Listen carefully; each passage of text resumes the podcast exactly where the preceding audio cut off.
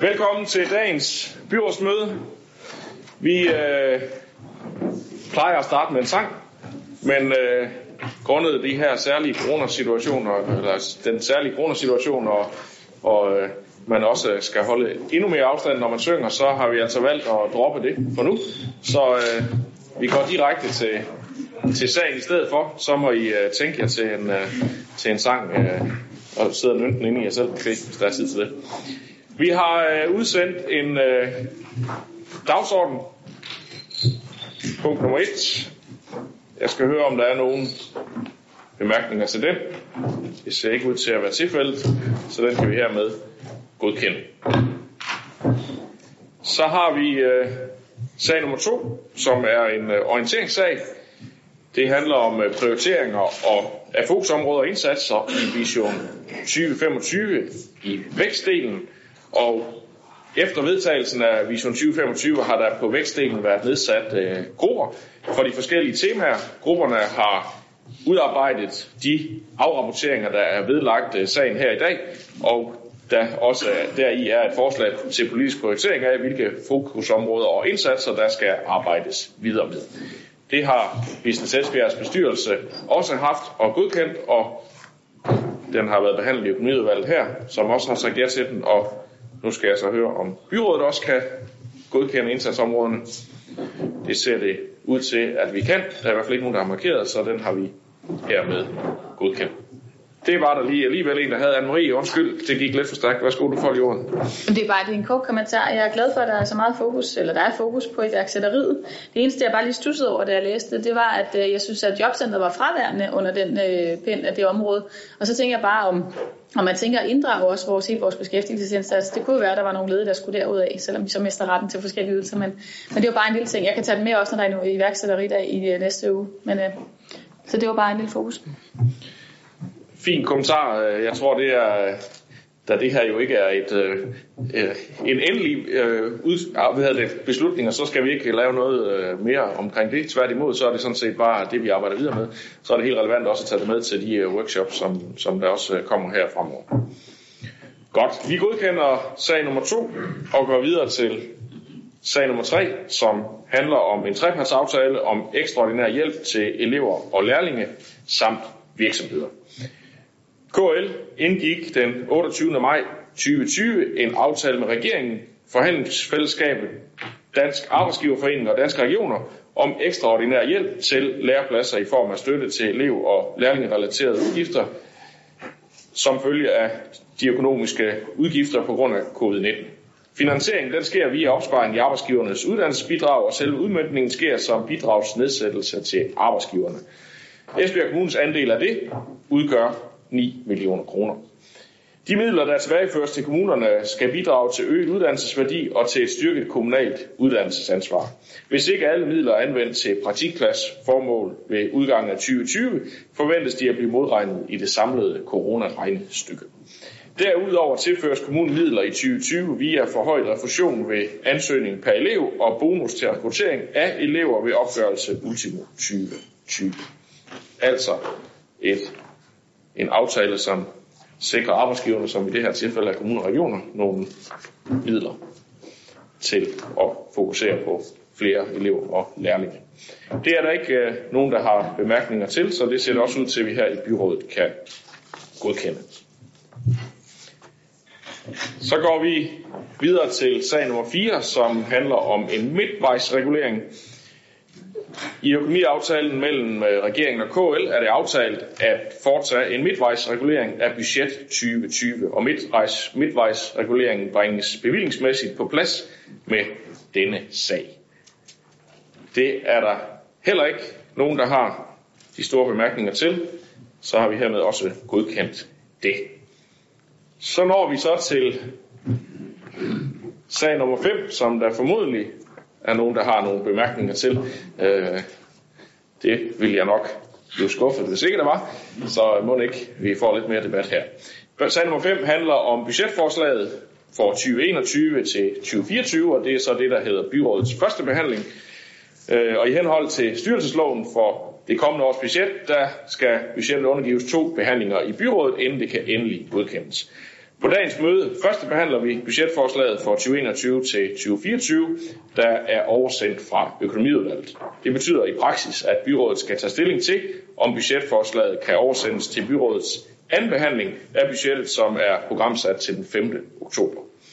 Budgetforslaget, øh, vi behandler i dag, er baseret på sidste års budget og dets forudsætninger, samt en revurdering af disse.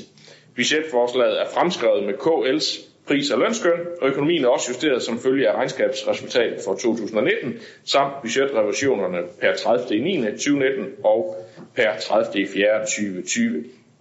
Årets økonomiaftale mellem regeringen og kommunernes landsforening indgår en videre i det økonomiske grundlag. Det samme gælder for virkninger af den nye udligningsreform, der træder i kraft i 2021.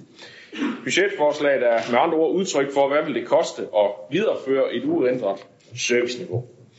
Og det er så det, vi kommer til at, at behandle i dag, og så kan man sige, bliver der jo nok lidt drøftelser her i den kommende tid om, hvad det så er, der skal justeres i forhold til det.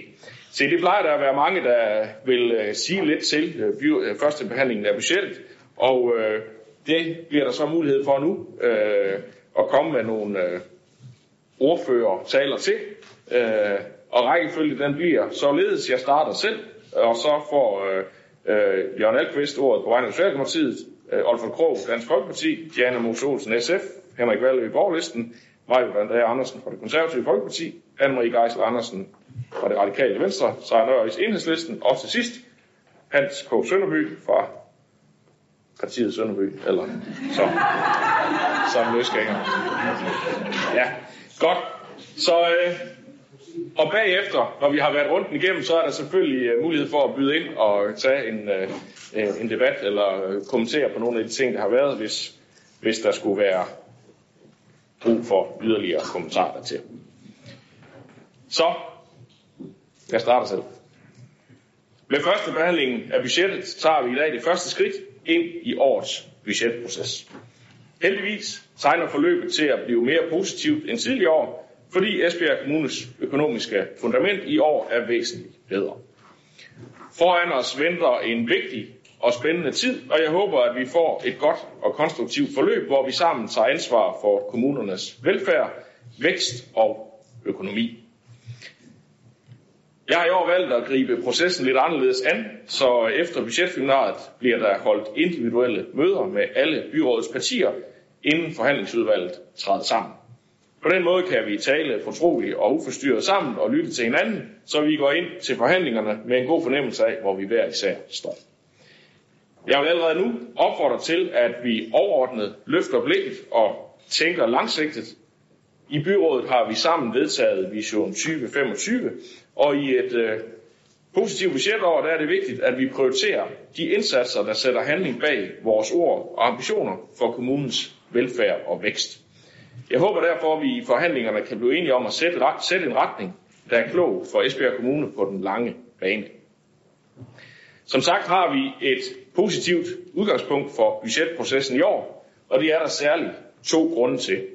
For det første har et øh, politisk flertal på Christiansborg lavet en større reform af det kommunale udligningssystem, som træder i kraft i 2021. Den nye model er positiv for Esbjerg Kommune, og der er ingen tvivl om, at det har været en god investering for os at lægge tid og kræfter i at påvirke systemet og trække i den rigtige retning. Vi får nu et mere indstrenget og gennemsigtigt system, hvor kommunernes geografiske placering ikke bliver vægtet så højt som tidligere i fordelingen af udligningskronerne. For det andet har kommunerne som helhed fået et pænt økonomisk løft i økonomiaftalen for 2021. Det gælder både et løft af service- og anlægsrammer, og det er også en af grundene til, at det bliver lidt lettere at få enderne til at mødes, når vi nu kigger ind i det næste budgetår. Samlet set betyder det, at vi i dag første behandler et budget, hvor vi i de næste fire år har et finansielt råderum i forhandlingerne på 345 millioner kroner. Det svarer i gennemsnit til 86 millioner årligt, og oveni kommer den reserverede pulje til anlægsinvesteringer på 320 millioner, som blandt andet er en udløber af prioriteringerne i sidste års budgetaftale. Der er altså ingen tvivl om, at vores økonomiske grundlag i år er positivt, men alligevel vil jeg anbefale, at vi holder lidt igen, og ikke kommer til at bruge det økonomiske råderum fuldt ud. Vi befinder os i en usikker tid, hvor coronakrisen påvirker økonomien for både Esbjerg Kommune, for Danmark og for hele verden, og ingen kan forudsige præcist, hvordan og hvor længe det fortsætter. Samtidig så skal vi være opmærksom på, at øh, Danmark er midt i en recession, og vi ved ikke, hvor længe det var eller hvor dyb den bliver. Vi ser et fald i bruttonationalproduktet og en stigning i ledigheden, og vi kan ikke vide, hvordan det kommer til at påvirke kommunernes rammevilkår fremadrettet. Det er usikkert, usikkert, hvordan fremtiden for ledigheden og beskæftigelsen er i Danmark, og det er vigtigt, at vi i Esbjerg Kommune kommer bedst muligt ud af coronakrisen. Derfor vil jeg også anbefale i, i forhandlingerne, at vi også har et særligt øje for den aktive beskæftigelsesindsats. I de sidste par år har vi været igennem nogle hårde budgetforløb, hvor vi har været nødt til at skære ind til benet. I år har vi så muligheden for at se på, om der er nogle steder, hvor vi gik lidt for hårdt til værks, fordi vi ikke havde et andet valg. Vi skal ikke til at rulle alle handleplaner tilbage, men øh, nu har vi luft i økonomien til måske at række en hånd ud til de områder, der blev hårdest presset, og faktisk, hvor vi også måske selv har svært ved at stå på mål for niveauet. Alt i alt er der altså flere grunde til, at vi går ind til en vi går positivt ind til forhandlingerne, og samtidig holder fokus på, at der igen til næste år også er en virkelighed, vi skal kunne forholde os til. I ved, at øh, vi i økonomiudvalget har søgt Social- og Indrigsministeriet om lov til at sænke personskatten, efter at vi hævede den i forbindelse med sidste års budget. Det er jo ikke givet, at det er sådan, det bliver, men det er et værktøj, som et flertal i økonomiudvalget har søgt om at tage med ind i forhandlingerne som en mulighed. Som jeg sagde i indledningen, så ser jeg Vision 2025 som det oplagte fundament for budgetforhandlingerne, den store fælles paraply for visionen og målet om vækst og tiltrækning af nye borgere. Vi har allerede sat spændende og ambitiøse ting i værk, hvor vi sammen med erhvervslivet, uddannelsesinstitutionerne har rettet et skarpt fokus mod Esbjerg som uddannelsesby. For, for vi tror på, at tiltrækning af flere unge er en af de vigtigste veje til vækst. De spor, vi lægger men budgettet, er afgørende for, at visionen kan blive til virkelighed. Vi skal investere strategisk i gode rammer om uddannelse, erhverv og familieliv og sikre, at vi i kommunen kan udvikle og tilbyde attraktive boliger og skabe bykerner og lokalsamfund med liv og puls. Alt det er med til at gøre Esbjerg Kommune til et godt og spændende sted at være for os, der allerede bor her, og for potentielle tilflyttere og for turister, som jo også har stor værdi for vores kommune.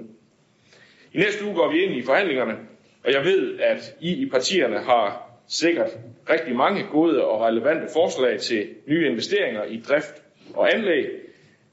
Flere af jer vil nok stille skarpt på velfærden på bestemte områder, og sådan går jeg også selv ind i forhandlingerne. Men som sagt mener jeg, at vi skal bruge vores råderum klogt, så vi finder balancen imellem at styrke kommunens serviceniveau og investere mere langsigtet, så vi på sigt kan øge bosætningen. Og så er vi som nævnt i en usikker tid, der også gør, at jeg vil slutte af med at opfordre til at anskue budgetprocessen med en portion vestjysk modhold, så vi ikke lader os rive med af begejstringen over, at det er et helt andet udgangspunkt, vi står overfor, end vi har gjort de senere år. Det kan der blive godt og god behov for at have noget på kistebunden, hvis nu coronakrisen strækker sig længe endnu. Men jeg ser frem til forhandlingerne og en spændende budgetproces og håber, at alle vil gå konstruktivt til værks. Det var herfra, og så giver jeg ordet videre til Jørgen Alkvist på vegne af Socialdemokratiet. Værsgo, Jørgen. Tak skal du have, Jesper. Øhm, jeg vil også øh, prøve at gøre det forholdsvis kort. Øhm, udgangspunktet for øh, forhandlingerne af budgettet 21-24 er øh, denne gang noget mere anderledes end det, vi har set før. Vi har som regel set ind i et budget med forventede hårde besparelser og en fast tro at, på, at vi kunne overskue en fireårig budgetstrategi. Og vi vidste, hvad der lå af restriktioner fra Folketinget. Vi kendte aftalerne med KL og havde et overblik over driften af vores egen kommune. Og alt dette var forudsætninger, som vi kendte på godt og ondt. Sådan er det ikke denne gang. Sådan er det bestemt ikke denne gang. Mange ting er ændret i forhold til de 22 tidligere budgetter, jeg har været med til at forhandle. Og jeg vil have hensyn til tidsforbrug, ikke gennemgå dem alle. Øh, men alligevel fremhæve for mig nogle vigtige forudsætninger for dette års budgetforhandling. Det er udledningsaftalen, det er skatten, og det er coronaen. Den længe ventede udvikling, øh, udligningsaftale blev i foråret færdigforhandlet på Christiansborg mellem partierne Venstre, Socialdemokratiet, SF, Radikale og Alternativet.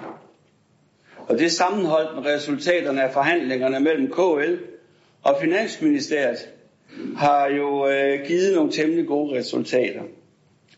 Forud lå en 30 år gammel aftale, hvis prioriteringer og forudsætninger efterhånden var blevet forældet. Og efter strukturreformen har det økonomiske Danmarkskort ændret sig på en så uhensigtsmæssig måde, at spændet i kommunernes serviceniveau var blevet for stort. Så stor terminologi som A og B Danmark pludselig er dukket op i debatten. Vi brugte også fra Esbjerg Kommunes side alle lejligheder til over for Folketinget og dets medlemmer at fortælle om de massive udfordringer, en kommune øh, med vores øh, demografi, placering, infrastruktur, socioøkonomiske udfordringer og meget mere stod overfor. Derfor var glæden da også stor, da vi som resultat af udligningsreformen kunne se et mere proveny til Esbjerg Kommune på 477 millioner kroner over fire år, og minus vores tekniske budget på 247 millioner kroner. Plus resultatet af sidste års budget på 127 millioner, der blandt andet indeholdt en skattestigning, der udmyndter et proveny på 39,5 millioner så giver det en likviditet til forhandling på 357, 357 millioner over fire år. Og hvad betyder så det på menneskesprog? Det betyder, at vi kan bruge her i kommunen cirka 89 millioner kroner mere om året, end vi gør i dag. Det er mange penge. Og hvad kan vi så bruge alle disse penge til? Der har været et ønske om at give pengene tilbage til borgerne. Og det synspunkt er vi helt enige i. Pengene skal tilbage til borgerne. Ingen tvivl om det. Så det kan jo så i vores optik ske på to måder. Enten ved at sænke skatten og give pengene tilbage til borgernes lommer, eller ved at øge servicerammen. Socialdemokratiet ønsker det sidste. Der vil uden tvivl komme mange ønsker til områder, hvor der sagtens skal bruges flere penge fremover, når budgetforhandlingerne går i gang. Og det er jo også øh, netop i disse forhandlinger, punkterne skal prioriteres. Jeg vil derfor ikke øh, låse alt fast forud for disse forhandlinger. Dog vil jeg da løfte sløret for nogle af de socialdemokrater, nogle af de ønsker Socialdemokratiet gerne så fremmed i budgetforhandlingerne. Som det første og oplagte er der områder, der har været underbudgetteret siden kommunesammenlægningen. Det drejer sig blandt andet om voksenhandicapområdet og børneområdet. Se, i kommunesammenlægningen skete der det på voksenhandicapområdet, at Ribe, Bramming og Esbjerg kommuner jo blev slået sammen. Pengene, der fulgte med fra staten, var det beløb, der svarede til gamle Esbjerg Kommunes udgift på området. Vi manglede derfor økonomien fra gamle Bramming og Ribe kommuner. Statens svar var, at dette beløb øh, jo måtte kunne findes i det rationale, vi fik ved at drive en ny stor kommune. En del af beløbet blev der også fundet, men kun en del. Og det er præcis det samme, der er gældende på området med udsatte børn. Derfor er disse områder i dag underfinansieret. Det kan vi nu rette op på. Et andet tema, der har været kendt i mange år, er den demografiske udvikling. Ikke bare i Esbjerg Kommune, men i hele Danmark. Det er antallet af ældre, der går på pension, der stiger.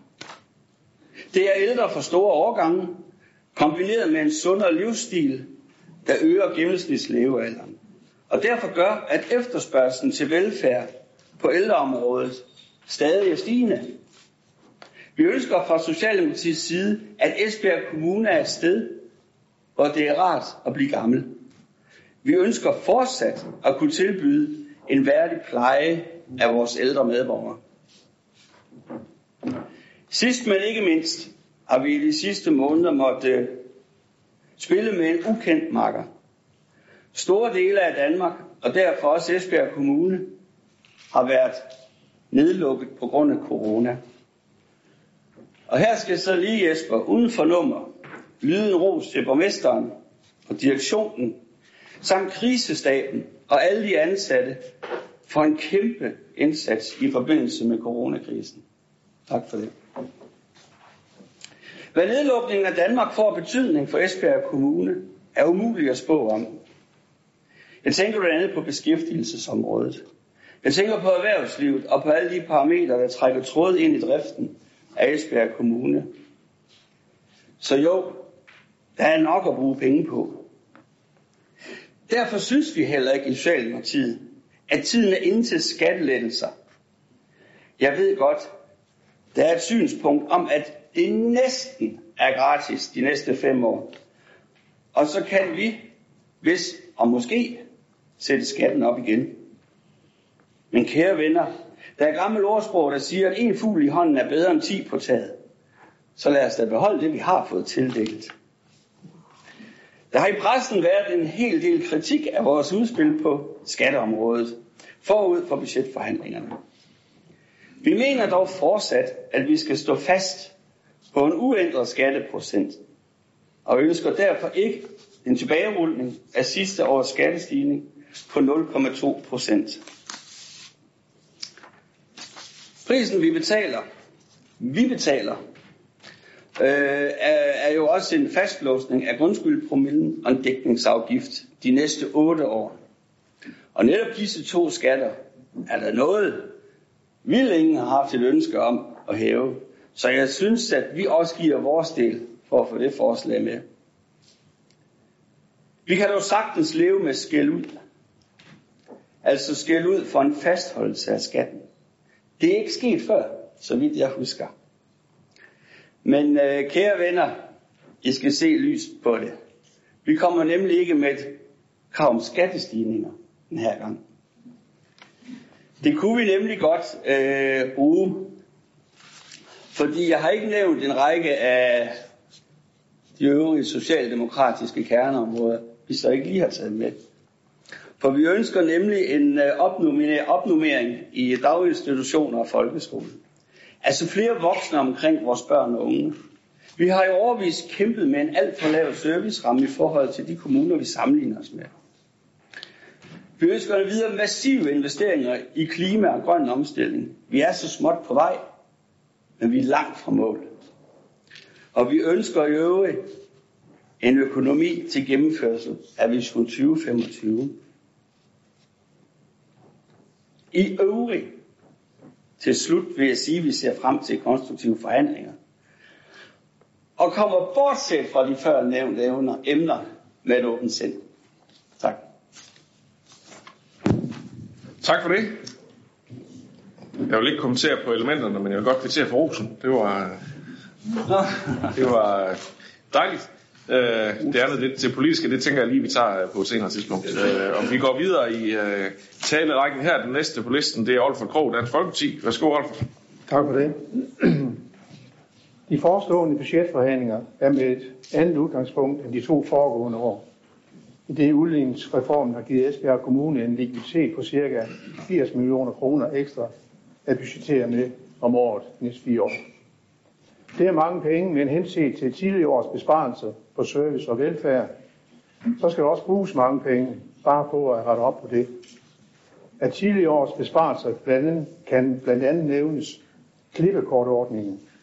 Det sidste års afskaffelse af klippekortordningen for beboere på plejehjem og modtagere af hjemmehjælp gik det hårdt ud over nogle af de svageste i samfundet. Klippekortet blev indført for at modtagerne fortsat skulle opleve at være herre over eget liv, og at de kan få hjælp til at gøre ting, som giver dem livskvalitet. Dansk Folkeparti ønsker at genindføre ordningen. Tale Hørecenter på Danmarks Gade Skole. Dansk Folkeparti var i sidste års budgetforlig var med i sidste års budgetforlig, som betyder mulig lukning af centret. Men da der endnu ikke er fundet et alternativ til det nuværende center, vil Dansk Folkeparti gerne være med til at finde en løsning i forbindelse med dette års budget. Gerne på Danmarks skole, hvis det er bedst for børnene. Projekthuset i Ribe.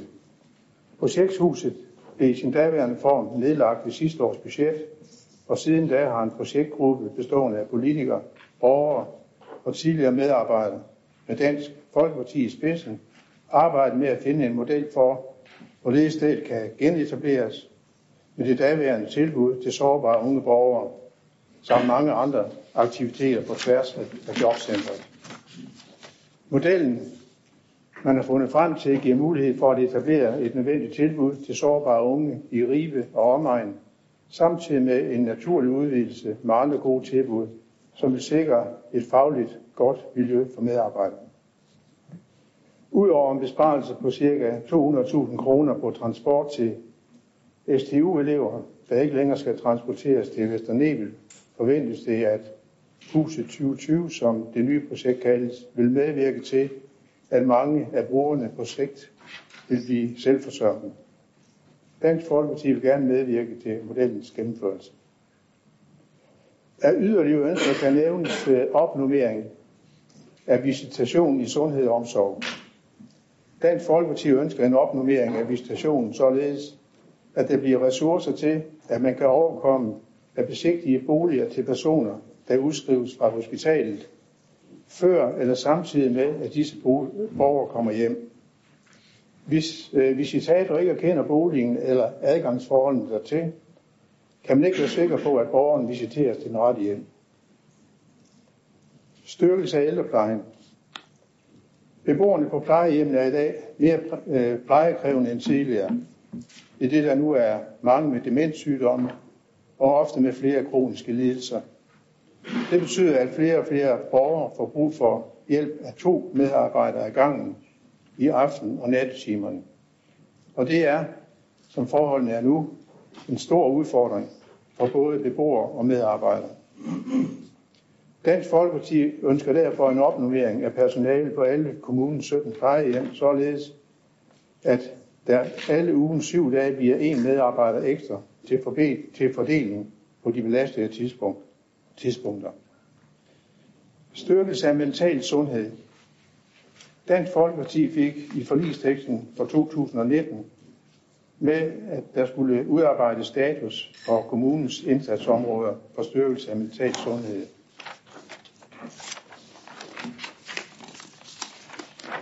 Det kommer her. Ved sidste års budget blev der afsat en halv million kroner til udarbejdelse af en handleplan af det videre arbejde. Handleplanen ABC for mental sundhed er nu udarbejdet. Og derfor ønsker Dansk Folkeparti som en naturlig forlængelse af arbejdet, at der nu afsættes penge til, at forvaltningerne kan arbejde videre efter planen. Herudover har Dansk Folkeparti stadig ønsker om, at gebyrordningen for leje af kommunens fritids- og idrætsanlæg fjernes, for ikke at hæmme det fritidsliv, I gerne vil styrke. At studerende og pensionister som en forsøgsordning skal kunne køre gratis i de kommunale busser på visse strækninger. Og at den generelle vedligeholdelse af kommunens boligmasse og anlæg styrkes. Tak. Tak for det. Så er det Diana Ros Olsen, SF. Ja, tak. Endelig kunne man egentlig fristes til at begynde øh, budgettalen med at sige, øh, fordi nu står vi i en budgetsituation, hvor jeg egentlig ikke skal indlede talen med at sige, øh, igen står vi over for store besparelser, øh, fordi det behøver faktisk ikke nødvendigvis at være der, øh, og det behøver ikke at være noget af det, vi hele tiden skal fokusere på. Vi har endelig en mulighed for at øh, prioritere velfærd og grønne løsninger, hvis det vel er mærket er det, vi ønsker. I SF håber vi meget på, at vi kan finde fælles fodslag i dette års budget. Et fodslag, der har fokus på endelig at løfte velfærdsområdet fra mange års besparelser. Lad os samles om at få rettet op på nogle af de grimme besparelser, der har ramt flere af vores kernevelfærdsområder hårdt. Og lad os samtidig kigge på de erfaringer, coronaepidemien har lært os. For skal vi lære af erfaringerne, ja, så vil det koste på såvel rengøring øh, som på personaleudgifter. Desværre har jeg med stor bekymring kunne læse i avisen, at det borgerlige flertal har varslet skattenedsættelser. Jeg troede faktisk først, det var en aprilsnar, i august godt nok, men jeg er jo siden blevet klogere og kan høre, at man faktisk helt reelt mener det. I min optik er det tude tosset, og dog. Vi er jo ikke afvisende over for at forhandle om at sænke personskatten. Vi går ikke ind for de ultimative krav. Øh, fordi den rammer jo egentlig alligevel skævt, så de, der tjener mest, betaler mindst. Og det handler jo lidt om det skrå skatteloft. Så hvis nu vi kan få flertallet med, og egentlig også kan få lov til det, på at veksle stigningen i personskatten til en genindførelse af dækningsafgiften og en mindre stigning på grundskylden, jamen så er vi da ikke afvisende. Så går vi ind med åben pande. Det vil jo så betyde, at vi fortsat har de kommende indtægter som følger af indførelsen af de nævnte og de ekstra midler for udligningen til at prioritere velfærden for. Altså, det er i hvert fald en bedre idé med SF's briller på. Når vi nu egentlig er en smule afvisende over for at udhule det beløb, vi har til øh, at sikre bedre velfærd for, så er det jo, som jeg også har nævnt, fordi vi har et efterslæb efter mange års besparelser. Vi har jo som samlet byråd øh, en opgave i at sikre vækst, velfærd og flere indbyggere til vores kommune, Vision 2025. Og her vil nogle af jer så mene, at skattenedsættelser er løsningen. Men må ikke gode skoler og dagtilbud, for, bare for at nævne nogen, og det nødvendige personale hertil, også bør være en del af løsningen herpå. Vi ved i hvert fald, at det er noget af det kommende familier ser på, inden de vælger at flytte til en ny kommune. Udover opgaven med at sikre flere indbyggere, vækst og velfærd, så står vi også over for en manglende implementering desværre af mange af de besvarelser, et flertal i det her byråd tog sidste år. Og jeg vil alligevel nævne et par stykker, der efter min bedste overbevisning trænger til et grundigt eftersyn. Kan jeg høre, Olfert nævnte den også. Men for eksempel lukningen af Talhørcenteret på Danmarksgade Skole i 2021. Det er en af de besparelser, vi er nødsaget til at kigge på igen, efter min opfattelse. Coronaen har jo forsinket øh, arbejdet med implementeringen af den her besparelse, og vi er derfor fortsat bekymrede for, om disse børn kan få den fornødne støtte og hjælp til reelt at blive inkluderet rundt på distriktskolerne. Vi tror simpelthen ikke på, at det er en klog løsning i længden, øh, og vi har ikke den fornødne tid til at få en ordentlig løsning inden 2021, hvor midlerne bortfalder. Aktiv fritid er der mig bekendt fortsat ikke en løsning på, og vores bekymring er derfor, at dette fantastiske tilbud, der er anerkendt i hele landet for at arbejde for at få udsatte børn og unge ind i fritidslivet, ender med at lukke helt ned. Simpelthen fordi der ikke er afsat de fornødne øh, midler til at få det forankret i vores klubtilbud. Imens coronaen havde tag i alle vores normale tilbud, ja, der kom aktiv fri, øh, fritid endnu en gang til sin ret. Op til og også igennem sommerferien, der afviklede de faktisk i samarbejde med andre aktører og flere frivillige sommerferieaktiviteter for hundredvis af børn og unge. Og rigtig mange af de her børn øh, var jo netop nogle af dem, som vi ellers vi kunne risikere manglende voksenopsyn og kontakt til. Og det taler endnu en gang for, at der skal kigges en ekstra gang på den besparelse fra flertalsforliget for sidste år. Det ender måske med at blive en endnu dyrere løsning at spare herpå. De mange besparelser, som flertalsforliget vedtog for socialområdet, og det handler både på børn, unge og voksenområdet, det er altså også et af de områder, vi er nødt til at have ekstra fokus på. Der har mange år været løbende besparelser på områderne, og de vedtagende handleplaner fra sidste års budgetforlig bør få et eftersyn, sådan så vi reelt kan kigge lidt på, om vi kan leve med de besparelser, når det kommer til stykket. For godt nok skal vi sikre en udvikling, vækst og tilflytning til vores kommune, men vi bør også altid sikre, at vores kommune behandler de mest udsatte ordentligt. Et samfund og dermed også vores kommune bør kendes på den måde, den behandler sine mest udsatte på. Og de har godt nok været udsat for mange besparelser de seneste år, og en del af de besparelser er end ikke engang implementeret endnu. Selvom det ikke er fra sidste års bespar eller budget, så er der også andre besparelser fra tidligere år, der gør ondt. Og nu kender jeg jo mest til familieområdet, fordi jeg jo også er udvalgsformand på det område, men jeg ved, at det faktisk også går ind over en del af de andre områder. Og det er en beslutning om at, og det er en lille bitte ting, men det er en beslutning om at spare vikardækning på konto 6. Det kan lyde mærkeligt, fordi det er jo sådan set det administrative område. Kan man ikke spare der? Jo, måske, men det omfatter altså også rådgiver på familieområdet, på voksenområdet, flere andre områder, og det er altså de hænder, der skal til, for at vi kan sikre en tidlig indsats, blandt andet på familieområdet. Jeg ved, at formanden for børn- og ungeudvalget også har været involveret lige præcis i den udfordring, for det ender altså med at være en dyr besparelse i sidste ende, fordi de manglende hænder betyder, at der indimellem handles for sent for udsatte familier, bare på det område, og det er derfor noget, vi i SF ønsker at kigge på igen. Det lykkedes jo desværre ikke sidste år, fordi vi ikke var med, at få afsat knap 800.000 per år til nødherberg for de mest udsatte hjemløse i vores kommune. Det står altså fortsat højt på vores ønskeliste til dette års budget, uden tvivl. Vi har meget bekendt stadig mulighed for at etablere et nødherberg i forbindelse med Kirkens Korsagers varmestue, skal udvikle, udvide og bygge nyt. Det er for os et meget lille beløb på at sikre en minimal værdighed til en gruppe af borgere, der har så svært ved at finde sig til rette i vores samfund. Coronaen har givet os voldsomme udfordringer siden marts, og gør det for så vidt fortsat. Vi er stadig i alarmberedskab på mange områder. Vi sender løbende klasser hjem, ligesom flere daginstitutioner, uddannelsessteder og lignende har været ramt eller bekymret for at være blevet ramt af smitten. Det har givet os nogle nye erfaringer. Og på især rengøringsområdet af vores skoler og dagtilbud, ja, der må jeg sige, at det har givet et tiltrængt løft. Vi har i alt for mange år sparet på områderne, og vi kan ikke engang leve op til Sundhedsstyrelsens helt almindelige vejledninger, når vi kigger på den normale rengøringsstandard. Da vi genåbnede vores dagtilbud og skoler, var det derfor med noget forbedret rengøringsberedskab, og samstemmende har jeg hørt om faldende sygefravær, ja sågar bedre indeklima og færre syge, og syge børn. Så det faldende sygefravær, det var på de voksne. Og også færre syge børn. Derfor er det spørgsmålet, om ikke det er dyrt øh, samfundsøkonomisk ikke at kigge på et forbedret niveau her, eller i det mindste et rengøringsniveau, så vi kan leve op til Sundhedsstyrelsens vejledninger, der jo altså rent faktisk også var gældende før vi oplevede corona. Noget andet, vi kan tage med af erfaring er de mindre grupper i såvel vores dagtilbud som vores skoler. Mindre grupper, flere voksne, tid og overskud til at være udenfor så meget som muligt, og tid og ro til at fordybe sig. Det kalder jo helt naturligt på flere hænder på såvel dagtilbud som på skoleområdet.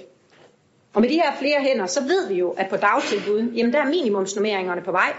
Vi ved samtidig, at vi selv kommer til at finansiere med et ikke uvæsentligt beløb for at komme i mål ud over de midler, vi får statsligt fra. Vores forslag skal derfor være, at vi får afsat midler øh, til i hvert fald at komme noget af vejen allerede i dette års budget.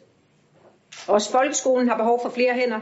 Folketinget har hjulpet os lidt på vej, men det er langt fra nok.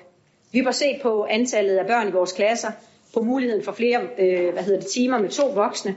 Og selvom vi ved, at det er et dyrt forslag, så vil vi stadigvæk i SF arbejde på en maks på 25 elever, især i indskolingen. Hen over sommeren har vi været vidne til forfærdelige billeder i medierne af en ubegribelig uværdighed i ældreplejen. Det har ikke kunne forsvares med manglende hænder, men skal nok især ses som en forrådelse, der kan ske som følge af manglende ledelse, men jo desværre også af manglende faglighed. Det var ikke fra Esbjerg Kommune, gudskelov, og jeg har også noteret mig, at Sundhed- og Omsorgsudvalget har et fokus på det her. Ros for det. Men ikke desto mindre, så bør det ligeledes få et fokus i dette års budget. For også her har der jo været blevet sparet gennem årene, og desværre både på hænder og på ledelse. I forhold til vores anlægskroner, så er der ikke nogen tvivl om, at der er behov for flere midler til blandt andet trafiksikkerhedsforanstaltninger. Senest har vi vist alle sammen opdaget en hel del skriverier omkring den manglende sikkerhed i krydset ved Spangsberg Kirkevej og Brogade for vores skolebørn.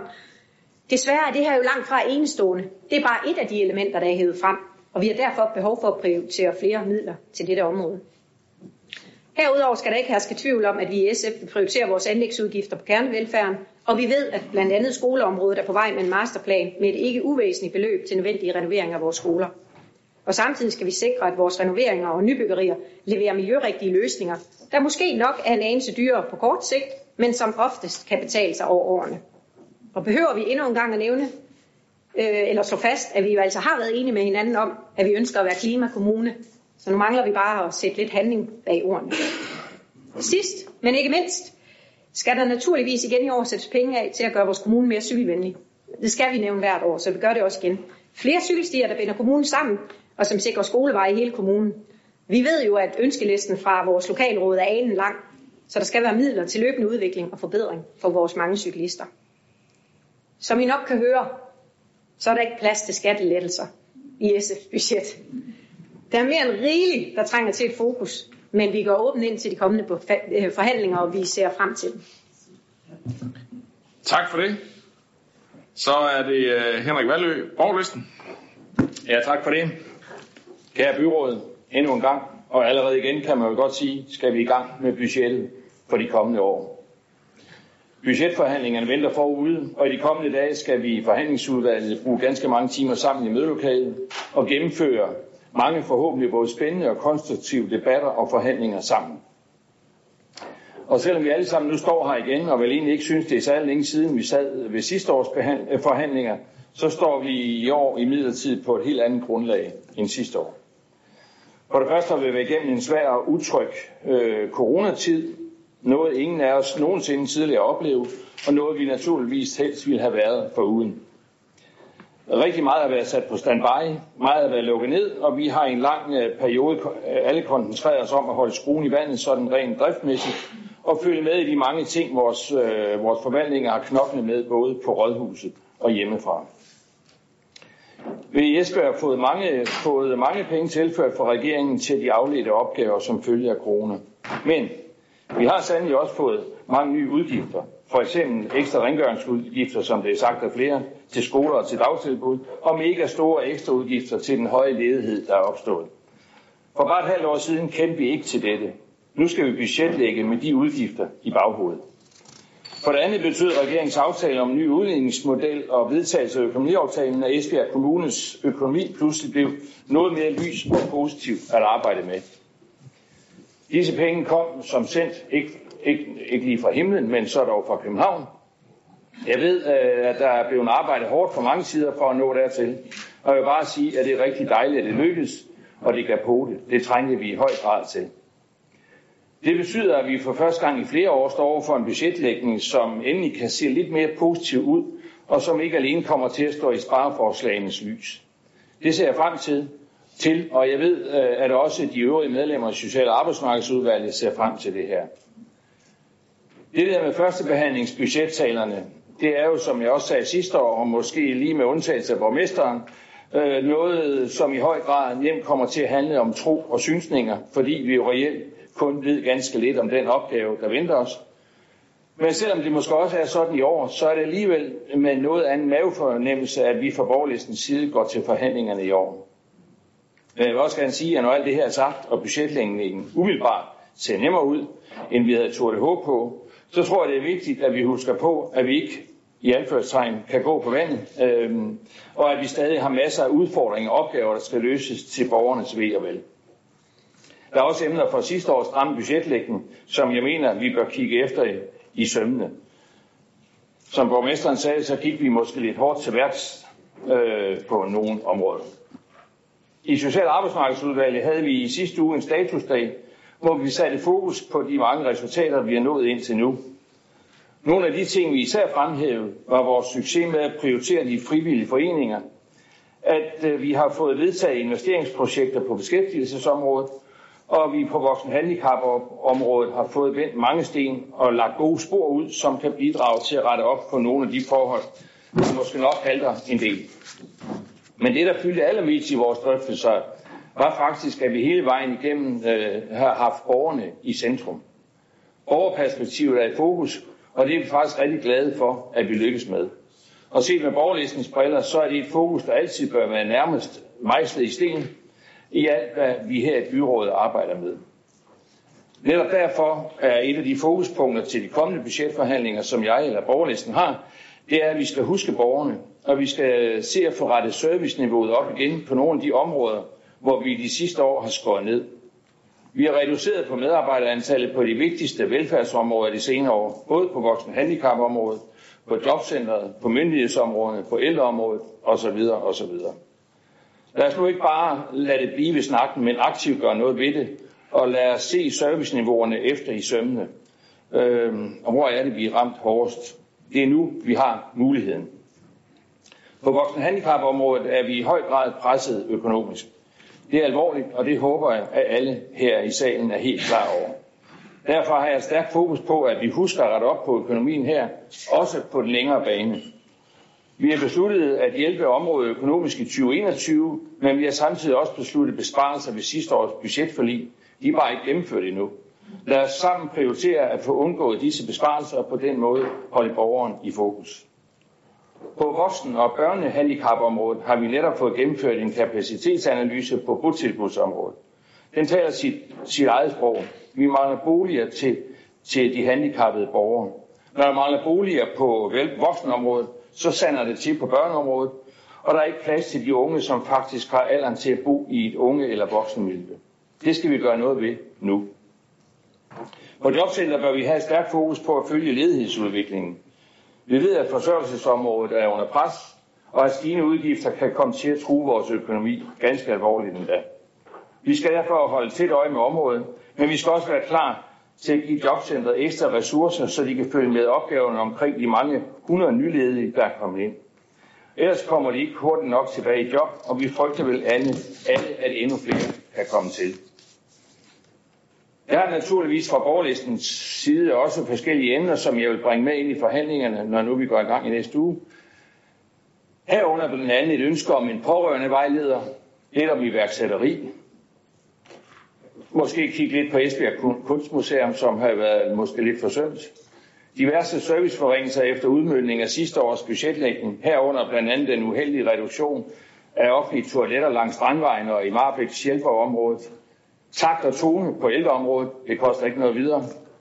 Det kan vi lære, tror jeg. Midler til Esbjerg Byfond. Så er der nogen, der har talt, øh, tale- og hørecenter. Det er selvfølgelig en rigtig væsentlig del, det skal vi også kigge på. Og så skal anlægsbudgetterne øh, kigges efter. Vi er nødt til at have dem hævet. Som i de fortsatte coronaudfordringer, og vel også bekymringer for yderligere udvikling på området i baghovedet, så ser jeg frem til de kommende budgetdrøftelser og håber, at vi får et godt forløb med konstruktive drøftelser og en god tone. Og noget, og noget af det får vi altså kun, fordi vi har en stærk og engageret direktion og administration og forvaltninger, der er helt sikkert i sædvanlig god stil vil hjælpe os igennem de mange spørgsmål og problemstillinger, vi støder på. Så umiddelbart så har jeg kun tilbage at ønske os alle en god arbejdsløst. Tak for det. Tak for det, og i lige måde kan jeg jo så lige uh, sige til sidst. Uh, næste på listen, det er Majbert André Andersen fra det konservative Folkeparti. Værsgo. Tak for det. I år der skal vi lægge et budget med helt andre forudsætninger end sidste år, fordi vi gennem udligningsreformen er blevet begunstiget med rundt regnet øh, 83 millioner kroner ekstra om året. Sidste års budget blev lagt under helt andre forudsætninger. Det resulterede blandt andet i en skattestigning på 0,2 procent, som blev vedtaget i budgetforlig udenom det konservative Folkeparti. Skattestigningsproveny vil indbringe øh, 39,5 millioner kroner, altså ude i år 5, hvor staten var færdig med at straffe Esbjerg Kommune for en skattestigning, man ikke fik lov til. Der har været meget snak om skat den seneste tid, og nogle melder kraftigere ud end andre.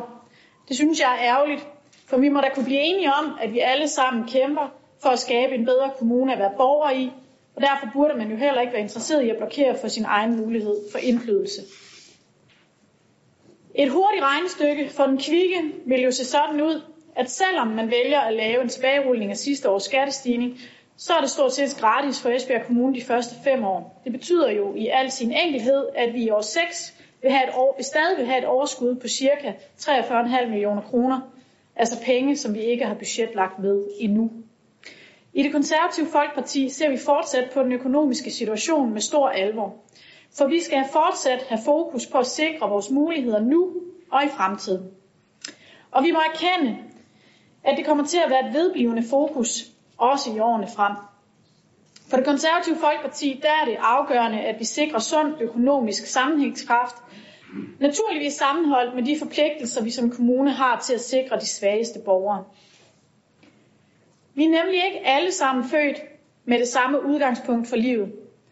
Nogle er født med handicap eller vokset op i familier i udsatte positioner, mens andre aldrig har haft en chance for eller evnerne til at kunne klare sig selv.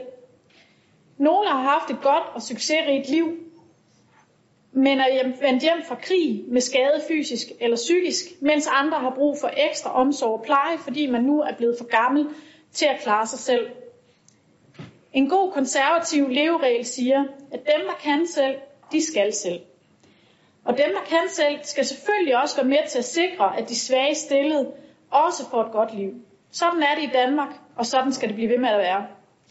Og vi skal selvfølgelig som kommune være med til at sikre, at også de svage stillede får et godt liv. I sidste års budget blev der skåret på velfærdsområder, som på nogle områder også påvirker de svageste borgere. Esbjerg Kommune er stadig under pres på flere områder.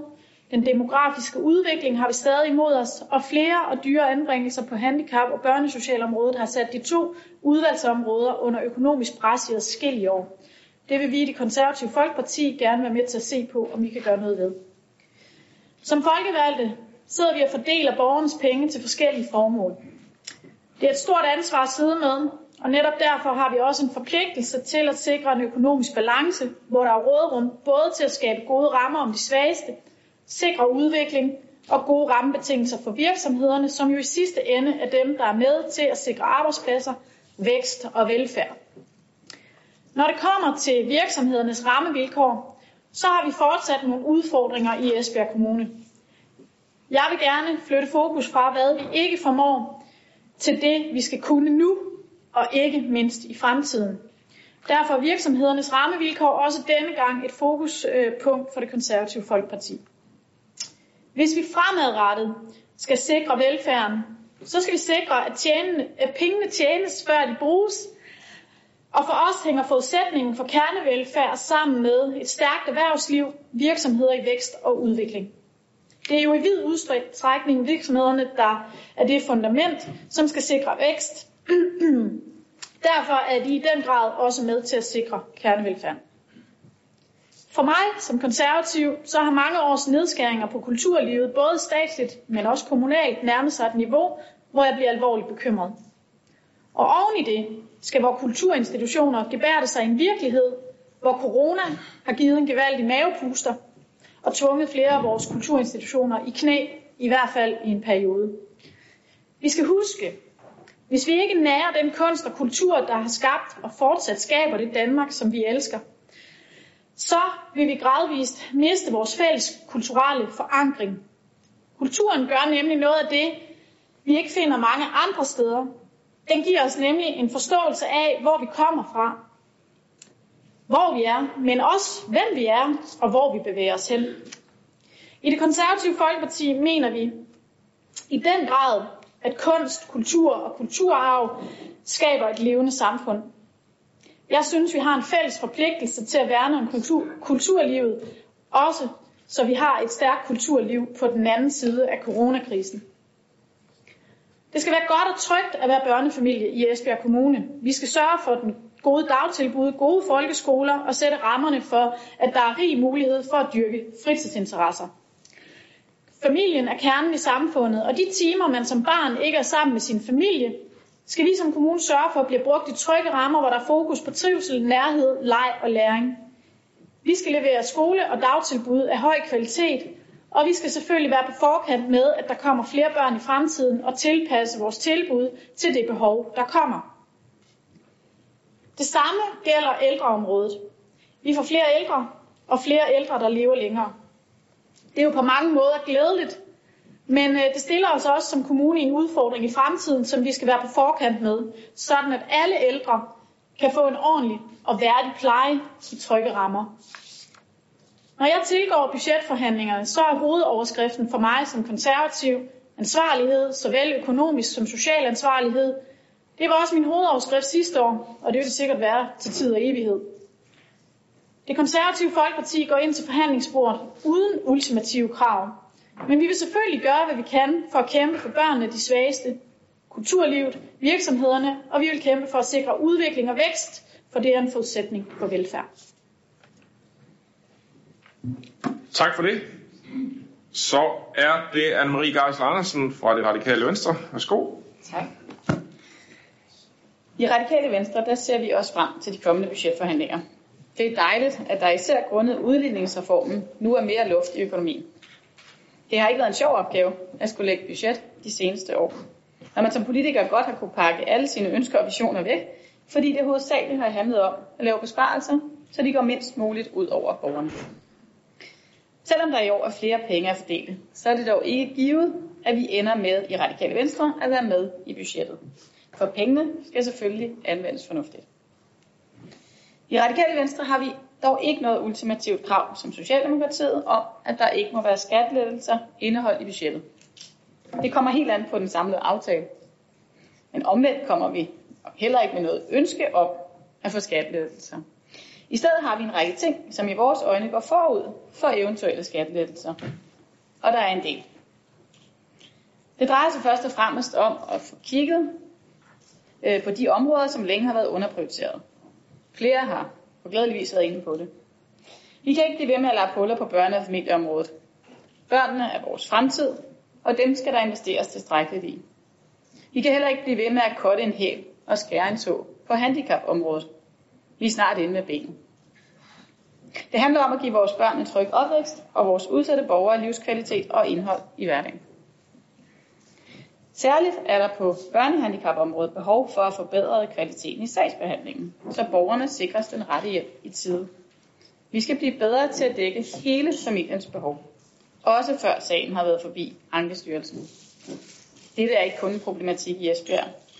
Sådan forholder det sig desværre i mange kommuner. Og heldigvis har vi allerede her i Esbjerg, Esbjerg taget hul på at gå området efter i sømne. Vi skal blive bedre til at investere upfront, frem for at give hjælpen på efterbevilling. Præcis ligesom vi har gjort i forhold til anbringelser, hvor midlerne nu i højere grad prioriteres på den tidlige og den forebyggende indsats. Derudover så var der en række konkrete forslag, som vi vedtog sidste år, som vi også mener, der er alt mulig grund til at tage op til revision. Jeg er blevet mærke i, at borgmesteren selv åbnede op for dette, så her kommer et par input. I vores øjne gælder det først og fremmest den besluttede nedlæggelse af tale hørecentret. Desværre foreligger der heller ikke i år en beskrivelse af, hvad dette kommer til at betyde i praksis, og hvad vi konkret sætter i stedet. Derfor er vi en række partier, som selv har inviteret på besøg på centret i denne uge, for at blive klogere på, hvor i den nuværende indsats består. Men jeg vil være helt ærlig at sige, at jeg er meget skeptisk over for nedlæggelsen, som i mine øjne blev besluttet af ren og skær økonomiske årsager. Og jeg nærer stadig et håb om, at vi kan undgå at nedlægge centret. Et håb, som er blevet en lille smule større, efter i aften har jeg hørt de fleste af de andre partiers budgettaler. Aktiv fritid, som også har været nævnt, er både et fantastisk og vigtigt tilbud, som vi heller ikke var begejstrede for at skulle omlægge. Her skulle der dog efter sine komme en beskrivelse af, hvordan et alternativ, et alternativ kunne se ud. Også her, vi skeptiske overfor, om det kan lade sig gøre at lægge tilbuddet ud under klubberne, uden at det bliver et helt andet tilbud, end det er i dag, og med en helt anden målgruppe. Vi ser frem til både at blive klogere på og drøfte dette. Projekthuset har vi siden sidste år, ikke mindst sammen med Dansk Folkeparti, konservative kæmpet for ikke at skulle lukke. Vi drøftede ikke nedlæggelsen af sidste års budgetforhandlinger. Den var kun nævnt i en enkelt sætning som en mulighed. Havde vi fået forelagt det konkrete forslag og taget stilling til det, så er vi stadig af den overbevisning, at huset aldrig var blevet besluttet lukket. Det var et fantastisk tilbud med stor betydning for mennesker på kanten af arbejdsmarkedet. Og vi har ikke hørt andet, end at indsatsen var succesfuld. Derudover så ønsker vi, at vi får løst kapacitetsudfordringen på daginstitutionsområdet, for eksempel ved at bygge nyt i Hjerting og området Midt Øst. Selvfølgelig, selvfølgelig allerhelst bæredygtigt byggeri. Ligesom vi meget gerne ser, at vi som kommune kan spæde lidt ekstra til de midler, der de kommende år kommer fra Christiansborg til lærere og pædagoger. Noget, der også allerede har været nævnt af flere. Som SF nævnte, en ikke uvæsentlig faktor, hvis man ønsker at tiltrække eksempelvis flere børnefamilier til byen. Cykelstier, særligt i form af sikre skoleveje, f.eks. Bollesager skole, andre steder, står også højt på vores ønskeliste. Ligesom vi tidligere som borgerlisten har ytret ønske om, at vi får en pårørende politik og guide til at støtte de mange mennesker, som lever med eksempelvis alvorlig sygdom i familien. Hvad angår erhvervsområdet, så er vi særligt optaget af flere bæredygtige tiltag, der kan bevæge kommunen i en endnu grønnere retning. Ligesom vi gerne ser, at vi bliver bedre til at støtte iværksætteriet. Sidst så mental sundhed har altid været en mærkesag for os, hvorfor vi, som, øh, hvorfor vi også, som vi har gjort ved de sidste budgetforlig, deler Dansk Folkepartis ønske om at styrke dette område.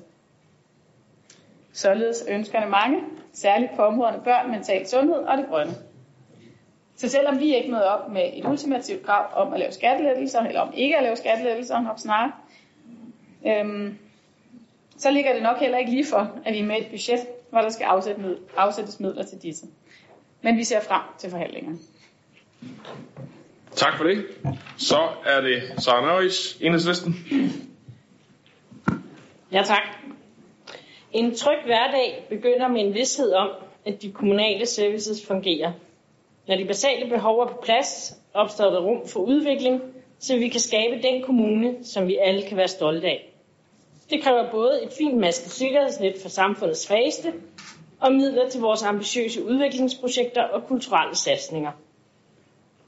Jeg håber sådan set, at I kan genkende ordene. For det er nemlig det, der står i Vision 2025 under overskriften Hverdagslivet i vores kommune. Og det tænker jeg, det har vi jo alle sammen bestemt i enighed. Så det er vi nok alle sammen enige om at gå videre med.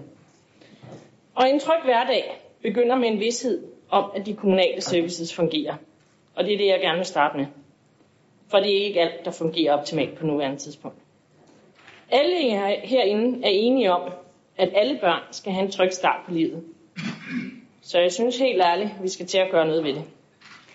Vi skal have flere pædagoger i daginstitutionerne, flere lærere i folkeskolen. Børnene skal ikke blot opbevares og tilbydes læring. De skal udvikle sig kreativt i fællesskab med hinanden. SFO og klub skal være det frirum for eleverne, når skoledagen er slut, hvor de får muligheden for at være sammen i trygge omgivelser på egne præmisser. Det kræver langt flere voksne hænder og øjne end i dag. Voksne, der kan guide og føle børnene, så udfordringerne ikke bliver til problemer. For i enhedslisten tror vi på, at jo bedre vi ruster vores børn og unge, jo bedre klarer, det, klarer de sig i voksenlivet. Et voksenliv, som i sig selv byder på alverdens farer og den evige risiko for at fejle. Den største fejl er vi lige ved at begå, os voksne herinde.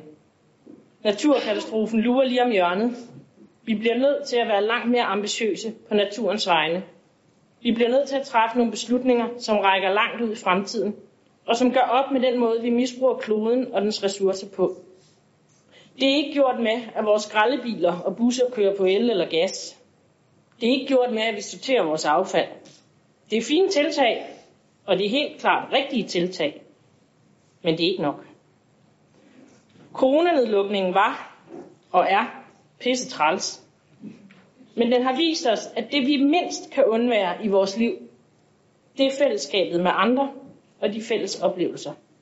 Om det er en gåtur i Marbæk, fodbold på stadion, koncerter, restaurantbesøg, træning med kammeraterne hen i sportsklubben, den ugenlige strikkeaften med veninderne, ja det kan være snart sagt hvad som helst, man laver med andre. Alt det, som der ikke kan sættes et prisskilt på, fordi det er noget, vi gør sammen med andre.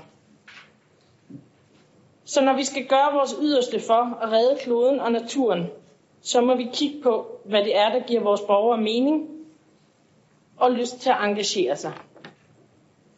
Har vi seriøst alle sammen brug for en bil, eller kunne vi måske dele lidt? Måske vi kunne gøre bybusserne gratis, så dem, der rent faktisk blot skal rundt i byen, ikke behøver en bil. Så kunne vi i øvrigt også spare penge på flere parkeringspladser. Har vi seriøst brug for flere højhuse herinde i centrum? Er det virkelig det, der giver livskvalitet for vores borgere? Næppe.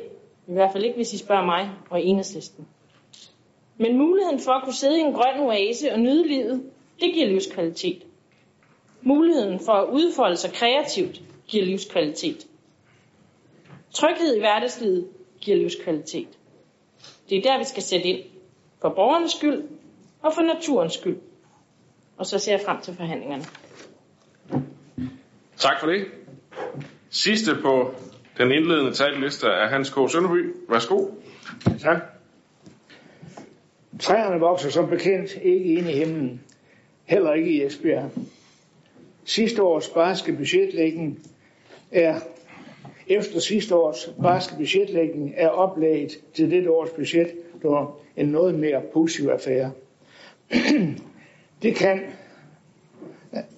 det, som kan blive langtidsvirkningen af, af corona, skal vi naturligvis ikke indregne i dette års budgetlægning, men det skader ikke at have i baghovedet, når fremtiden kan byde på et lavere beskatningsgrundlag, når hverdagen efter corona er tilbage. Jeg glæder mig dog over, at der er plads til beherskede udviklingstiltag. For mig må tiltagene gerne være noget, som vil øge bosætningen i vores kommune med grupper, som vil styrke den kommunale beskatningsgrundlag og øge eller fastholde velfærdsniveauet for vores borgere. Jeg ser frem til en drøftelse af forslag, som de forskellige grupper traditionelt byder ind med. Jeg skal umiddelbart selv foreslå, at vi undersøger økonomien i at give vores pensionister og studerende en håndtrækning ved at tildele gratis årskort til vores bybusser. Det er min opfattelse, der i dag generelt er en meget dårlig belægning i busserne, så nye brugere på tomme pladser kan jo ikke belaste økonomien. Det vil det naturligvis, hvis nuværende brugere bliver gratister. Vi har et stort ønske om at kunne tiltrække mange flere studerende til vores område, og her vil en kombination af gode studieboliger og en gratis bustransport forhåbentlig kunne virke tiltrækkende for flere. For den ikke så mobile og selv, selvtransporterende del af pensionistgruppen vil en sådan ordning kunne medvirke til at give øget livskvalitet og fleksibel og blandet bosætning. På Kulturfonden skal jeg opfordre til, at vi giver en økonomisk håndstrækning til boligområdet Kvavlund. Aktive mennesker omkring Kvavlund Kirke og Kvavlundhallen arbejder med udbygning, der skal medvirke til at gøre det mere attraktivt at bo i området. For kulturhusbyggeri ved bibliotek og kirke er der tale om, at vi går ind med driftstilskud, som brutto udgør ca. 1,2 millioner. Derfra går det nuværende driftsudgift til bibliotek. For Paulenhallen er der tale om en garantistillelse for låneoptagelse til udbygning af et fitnessområde som en styrkelse af halvdriften. Nu må det efterhånden være Gavlunds tur. Med hensyn til at rulle sidste års skattestigning helt eller halvt tilbage, er jeg åben for den drøftelse. Jeg er også åben for at revurdere, om nogle af de besparelser, der var nødvendige ved sidste års budgetlægning, har haft uønskede eller uforudsete konsekvenser. Og med de bemærkninger, så vil jeg gå til forhandling om næste års budget og overslagsår. Tak for ordet. Tak for det. Så nåede vi øh, raden rundt med masser af indspark til de kommende forhandlinger. Øh, det ser ikke ud som om, vi får udfordringer med at finde på forslag, som kan, øh, kan bruges, eller penge kan bruges på. Der var mange øh, store og små blandt hinanden her, og må ikke, at der også er nogen af jer, der ikke har taget, fortalt alt det, I godt kunne tænke jer at arbejde for. Så jeg tænker, at vi får... Øh, vi skal nok finde ud af at få, få pengene brugt, hvis øh, det er det, der er målet i sig selv. Øh, det øh, startede jeg jo så med at sige, at vi, måske lige skulle prøve at vise lidt modhold. Men det kommer vi til at drøfte, når vi mødes senere på ugen. Nu er der jo fri øh, debat, hvis der er nogen, der har brug for at kommentere, eller lyst til at kommentere på noget af det. Det er ikke fordi I skal, men, øh, men muligheden er der, og øh, jeg kan se, at Jacob han har markeret, så værsgo, Jacob, du får først. Jamen, tak for det. Jeg kunne godt tænke mig at kommentere lidt på det, som øh, Jørgen Alkvist var inde på i sin, øh, i sin ordførtale. Fordi at, øh, jeg tror, vi er flere her omkring bordet, som der nok fik kaffen lidt galt i halsen, da vi sidste mandag i et billede i JV kunne se Jørgen Alkvist stålsatte, jeg ved ikke om de er blå øjne, men i hvert fald stålsatte øjne, hvor øh, det blev meddelt ved øvrige by, byråd, at man i Socialdemokratiet går til budgetforhandlinger med ultimative krav, nemlig omkring 0 skattelettelser. Jeg synes, det er rigtig ærgerligt, at Socialdemokraterne bryder med en mangeårig parlamentarisk tradition her i byrådet, hvor man øh, altså ikke har for vane at udstede sådan en krav, at de andre partier så ydermere kan læse om det i avisen, i stedet for måske få en venlig orientering. Det synes jeg er rigtig ærgerligt. Hvorfor er det så, at et flertal i økonomiudvalget har sendt ansøgningen frem? Det er jo fordi, at øh, den øh, dygtige socialdemokratiske regering jo faktisk har gjort det så attraktivt, at man næsten ikke kan lade være. Fordi, fordi det er stort set gratis at benytte sig af muligheden, hvis man ellers får lov af Social- og Indrigsministeriet. Det er også vigtigt at understrege, at de penge, som øh, de her skattelettelser, hvis det er, at øh, man træffer en beslutning om det, det er altså ikke penge, som der bruges på velfærd i Esbjerg Kommune i dag. Det er penge, som der bliver betalt ind i strafrenter til Finansministeriet, fordi at vi vedtog en skattestigning ud over det, som vi fik lov til sidste år. Og derfor så skal sådan en mulighed naturligvis også afdækkes. Så kan vi finde ud af, om det er et redskab, vi vil have i værktøjskassen eller ej. Og det er der ikke nogen, der har taget stilling til nu. Vi har kun bedt om at i hvert fald få muligheden klarlagt, om vi må eller ej. Man kan undre sig over, at Socialdemokraterne på så kategorisk vis siger, at penge, som vi får, stort set gratis for staten, hvis vi får tilladelsen, på ingen måde må ende i skatteborgernes lommer igen. Og så sagde Jørgen jo også lige i sin budgettale nu her, at også grundskyld og dækningsafgift steg, hvis ellers Socialdemokraterne fik lov. Det synes jeg måske personligt er en lidt besøgelig tilgang. Så kære Socialdemokrater, jeg håber, at I vil kravle ned ad træet igen, og på linje med de andre partier, og mødes, fordoms, og mødes, møde fordomsfri op til forhandlingerne, og derved også trække jeres ultimative krav tilbage. Ellers så kan jeg godt imødese, at vi fremadrettet kommer til at opleve nogle rigtig bøvlede forhandlinger, hvis byrådet får vane for at stille en sådan ultimative krav. Så øh, til dig, Diana. Du havde jo ellers en rigtig god idé om at konvertere sådan en eventuel skattenedsættelse til grundskyld og dækningsafgift. Og, og det har den øh, dygtige socialdemokratiske regering jo faktisk også blokeret for, i hvert fald i den næste årrække, så det kan vi desværre ikke komme ind på i år. Men ellers et udmærket forslag. Tak for det. Så er det Jørgen Alkvist. Ja, tak. Øh, det var jo nok forventet, at jeg skulle sige lidt ekstra om, om, om skatten og vores holdninger til det. Øh, og der blev jo sagt, øh, jeg kunne forstå, at det var en ros til den socialdemokratiske ledede regering, at tilbuddet var så godt i forhold til at, at sænke skatten. Øh, men nu ved jeg jo, at øh, det forslag, der overfra er jo lavet i samarbejde med andre venstre. Øh, og så lad mig sige i den forbindelse, at umiddelbart, så er tilbuddet ikke så godt, som det lyder. Det minder lidt om de her Peter fra Lisi, hvor vi øh, køber nu og betaler en gang i efteråret. Det bryder jeg mig ikke om. Øh, det vi kan se i forslaget, det er ganske rigtigt. Vi kan øh, sætte det ned. Vi kan sætte rulle skatten tilbage med 0,2 procent. Og så vil staten øh, kompensere 95 procent de første år, 85, så kører det ned, og så er jo 5-0. Det er rigtigt nok.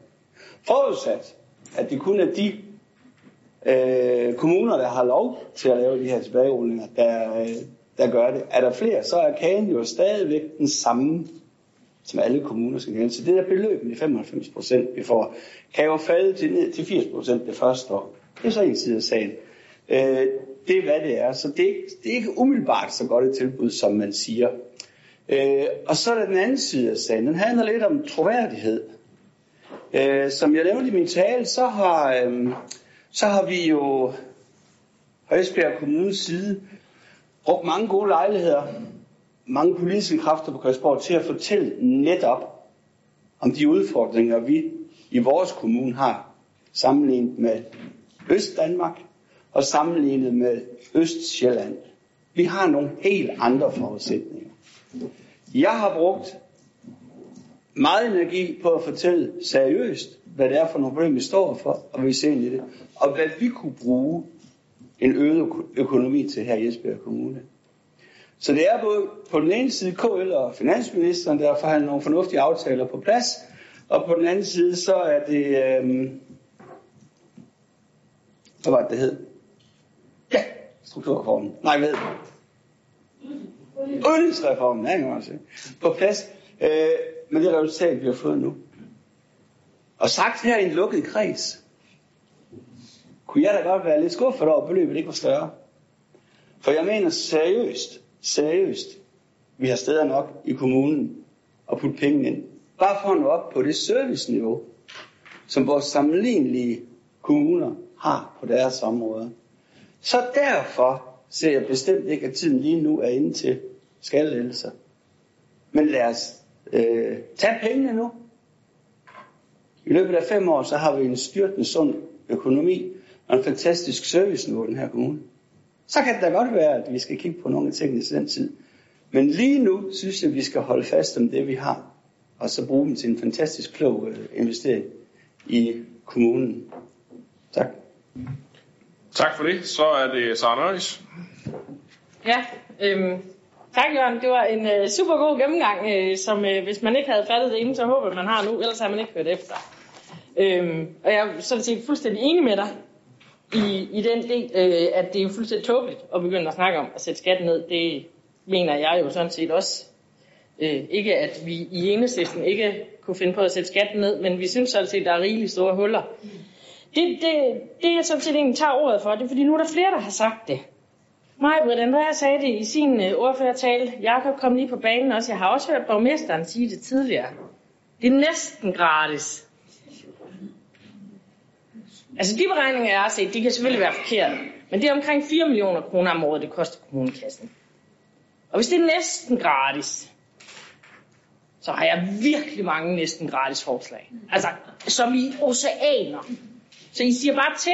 Jeg, godt, jeg tænker ikke, at jeg behøver at ramse dem op nu. Jeg kan sende en mail her. Jeg kan sende til hele byrådet, hvis det skulle være. Altså med næsten gratis forslag. Det var bare lige det. Tak for det, Sara. Det er godt, du kan præcisere tingene nu. Øh, jeg tror ikke, vi skal til at folde alle beregninger ud uh, i detaljer nu her, men det, det kan man jo se i, uh, i, uh, i den sag fra økonomiudvalget, hvor man besluttede at søge om at, og øh, få tilskud til at sætte skatten ned. Men øh, det, øh, forudsætningen er selvfølgelig, at den bod, vi betaler, den ligesom øh, ikke skal betales længere, og det er jo derfor, at, øh, at tingene de kan så komme til at se ud som om, at, at det faktisk går op øh, i de første år. Og ja, så øh, vil der jo så være øh, færre penge at bruge på, på øh, den kommunale service i år 5, hvis ellers alt andet er lige, og det er jo det, der er så fantastisk ved den her situation, at vi kan sådan nogenlunde forudse, hvordan øh, situationen er i 2021, men fem år frem i tiden, der er der godt nok mange usikkerheder, når vi, skal, når vi kigger ind i et budget. Så lad os tage den snak, når vi når dertil. Der er ikke, øh, jo, sørg med jo, om ikke lige der kommer en ind øh, i øh, næsten på faldrebet her. Preben Rudingård, du får også lige ordet. Jeg vil da gerne sige noget til Jørgen Alkvist. Jeg tror, jeg er en af dem herinde, der er kendt der længst. Øh, dengang vi sad i gamle Ribe byråd, og du har altid været god til at svinge dig op. Og øh, nu skulle du nok, jeg husker dine brandtaler, men det var dengang du var SF'er. Nu er du blevet lidt ældre og lidt mere moderat. Øh, nu er du blevet socialdemokrat. Det rimede. Øh, så må jeg sige, at øh, det undrer mig meget, at med den erfaring, du har, og den respekt, jeg har om dig, at du ligesom en anden mand, som brækkede halsen på det, Anders Samuelsen, kravler op i et træ og sætter dig derop og stiller ultimative krav ud, inden man begynder at starte en forhandling. Det synes jeg ikke klæder vores demokrati. Og jeg havde meget svært ved det. Jeg ved også, at Lars Lykke havde svært ved det. Han har endnu sværere ved det nu, det ved jeg godt, efter hans nye bog. Men under alle omstændigheder, så må jeg sige, lad nu være med det. Lad os nu tage og komme ind og mødes i forhandlingslokalet og få en åben dialog. Der er jo ingen grund til, at vi med den respekt, vi alle sammen, og jeg har med stor glæde lyttet til. Vi har jo i bund og grund de samme områder, som vi skal prioritere i vores kommune, og nu har vi et råderum, som kan gøre, at vi kan gøre det bedre for borgerne. Så Jørgen, krav nu ned af det træ, og kom ind og vis den fornuft, som jeg altid har betragtet, du har. Og så tag den derfra. Hvis man så senere i forhandlingsforløbet vælger at gå, så er der respekt for det.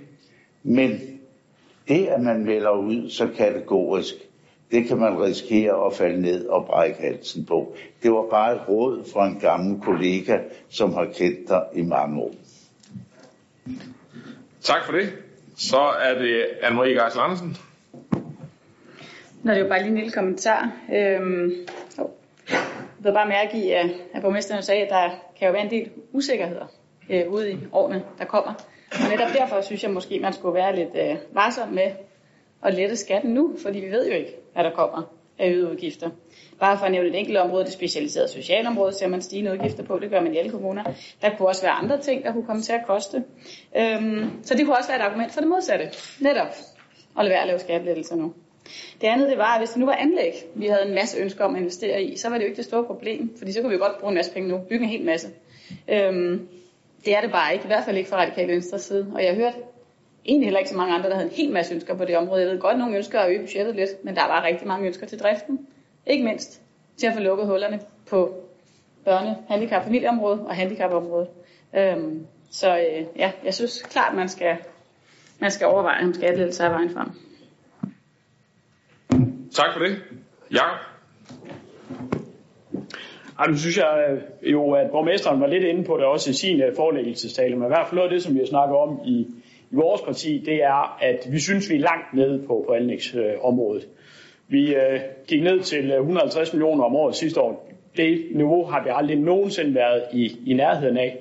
Og det vil være sådan, at der vil være en helt nødvendige investeringer i infrastruktur, skoler, dagtilbud, øh, botilbud og andre ting, som vi kommer til at prioritere over den kommende tid. Så noget af det, som vi i hvert fald gerne vil snakke mere om, når vi går til forhandlinger, det er også at se på, på anlægsområdet.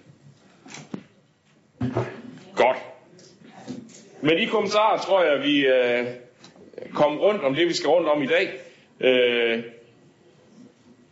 det er jo sådan, vi skal jo i princippet øh, uh, sende, uh, øh, vi skal, vi skal jo ikke stemme om det, for jeg tænker ikke, der er nogen, der vil stemme imod og sende, uh, øh, sende uh, budgetforslaget videre til anbehandling, men det er faktisk det, der ligesom uh, lægges op til indstillingen, og det uh, er så dermed det, vi gør nu, og så uh, ser jeg frem til at mødes med jer og drøfte budget uh, i de kommende uger. Så uh, dermed har vi godkendt første behandling af budgettet.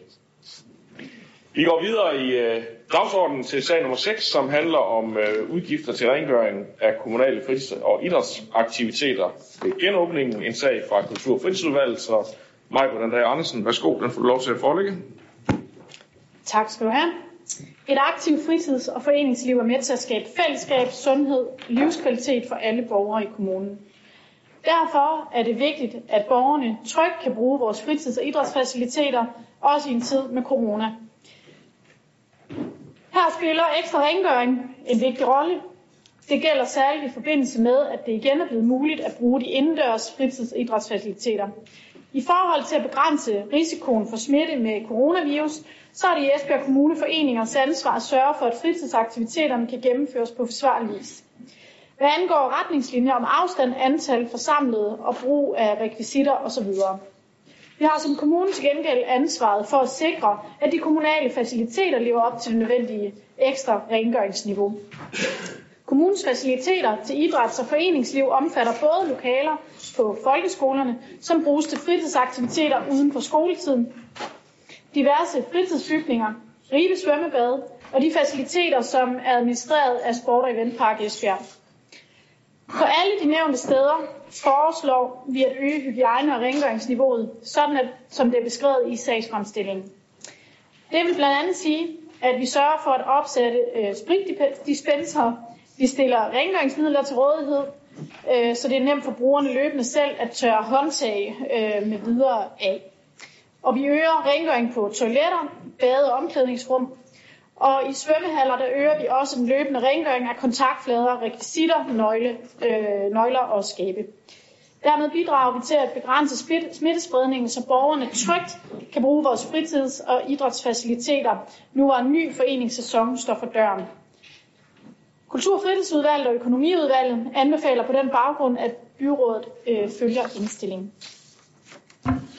Tak for det. Det er der ikke andre, der har bedt om ord til, så det øh, ser det ud til, at vi kan gøre. Så går vi videre til øh, sag nummer 7, som handler om en anlægsbevilling til en kunstgræsbane på Gamle Vardevej. Også en sag på kultur- og fritidsområdet, så du får ordet igen, Maja. Værsgo. Endnu en gang tak. En ny kunstgræsbane på Gamle Vardevej vil være til gavn for både spillere på topplan og bredt i vores idrætsforeninger.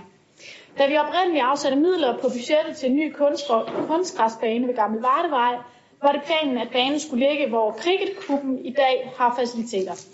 Denne placering har vist sig ikke at være mulig. Derfor planlægger vi nu i stedet at placere kunstgræsbanen på bane 5 på baneanlægget ved Gamle Vardevej. Vi laver kunstgræsbanen i samarbejde med EFB Amatørafdeling, og det vil koste i alt 5 millioner kroner at anlægge banen. EFB Amatørafdeling betaler halvdelen, og kommunen betaler den anden halvdel. Derfor har vi nu brug for at søge om en anlægsbevilling, så vi kan komme i gang med at anlægge banen. Banen bliver ejet af Esbjerg Kommune, og dermed vil kommunen også efterfølgende stå for drift og booking. I praksis er det dog Sport- og Eventpark Esbjerg, der tager sig af driften via en driftsaftale med kommunen. Kunstgræsbanen bliver udført med størst mulig hensyntagen til miljøet inden for de økonomiske rammer, som vi har. Vi anbefaler en løsning, hvor banen bliver fyldt med sand.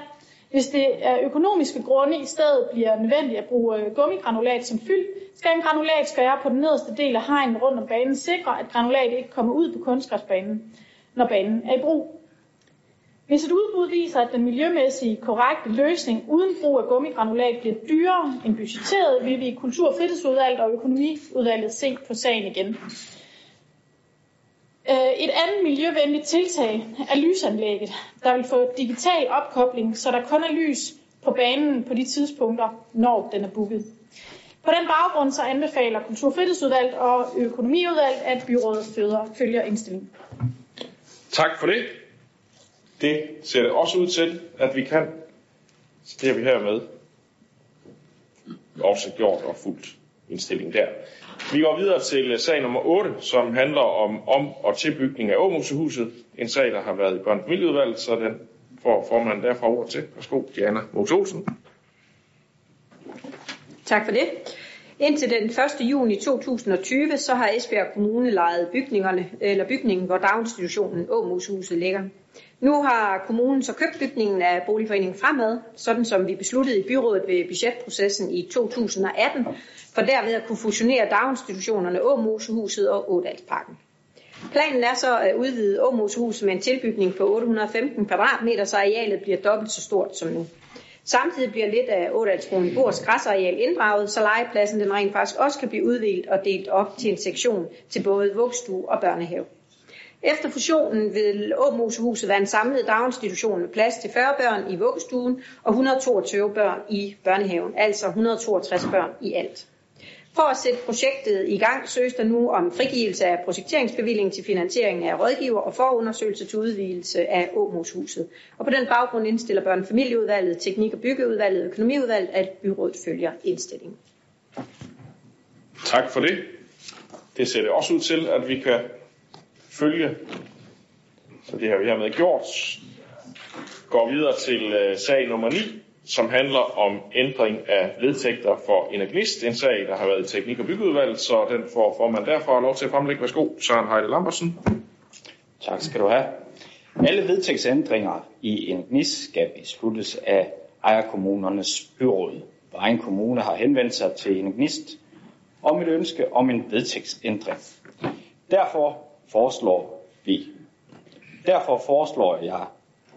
Derfor foreslår jeg øh, forslaget om, at de nuværende vedtægter ændres, så det fremover er muligt at sende en stedfortræder til bestyrelsesmøderne, hvis det pågældende bestyrelsesmedlem er forhindret. Teknik- og byggeudvalget og økonomiudvalget indstiller til byrådet, at vedtægtsændringen tiltrædes. Tak for det. Det er der heller ikke andre, der har bedt om ordet til, så det kan vi hermed tiltræde. Og går videre til den sidste sag på den åbne dagsorden, sag nummer 10, som handler om vandløb, frigivelse af en ramme. Også en sag for teknik og, videre, teknik og byggeudvalget. Så du får ordet igen, Søren. Værsgo. Den har været noget, der som er startet her. Byrådet afsatte ved budgetvedtagelsen for 20, 2020 til 24 et rådighedsbeløb på 4,8 millioner kroner til syv anlægsprojekter på vandløbsområdet. Med den sag søgte vi, med den her sag søger vi anlægsmidlerne frigivet. For tre af projekterne søgte vi om, at rådighedsbeløbet overføres til 2021.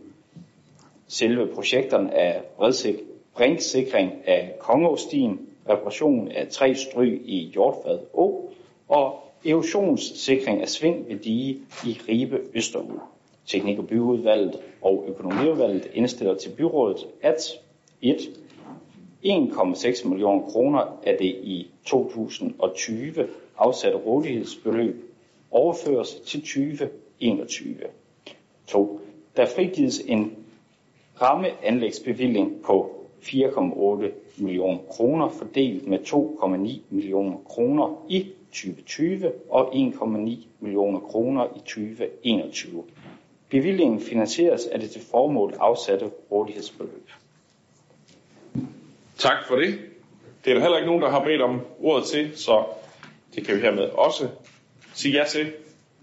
Og det var faktisk øh, afslutningen på den åbne del af mødet, så tak til jer, der er mødt op eller kigget med.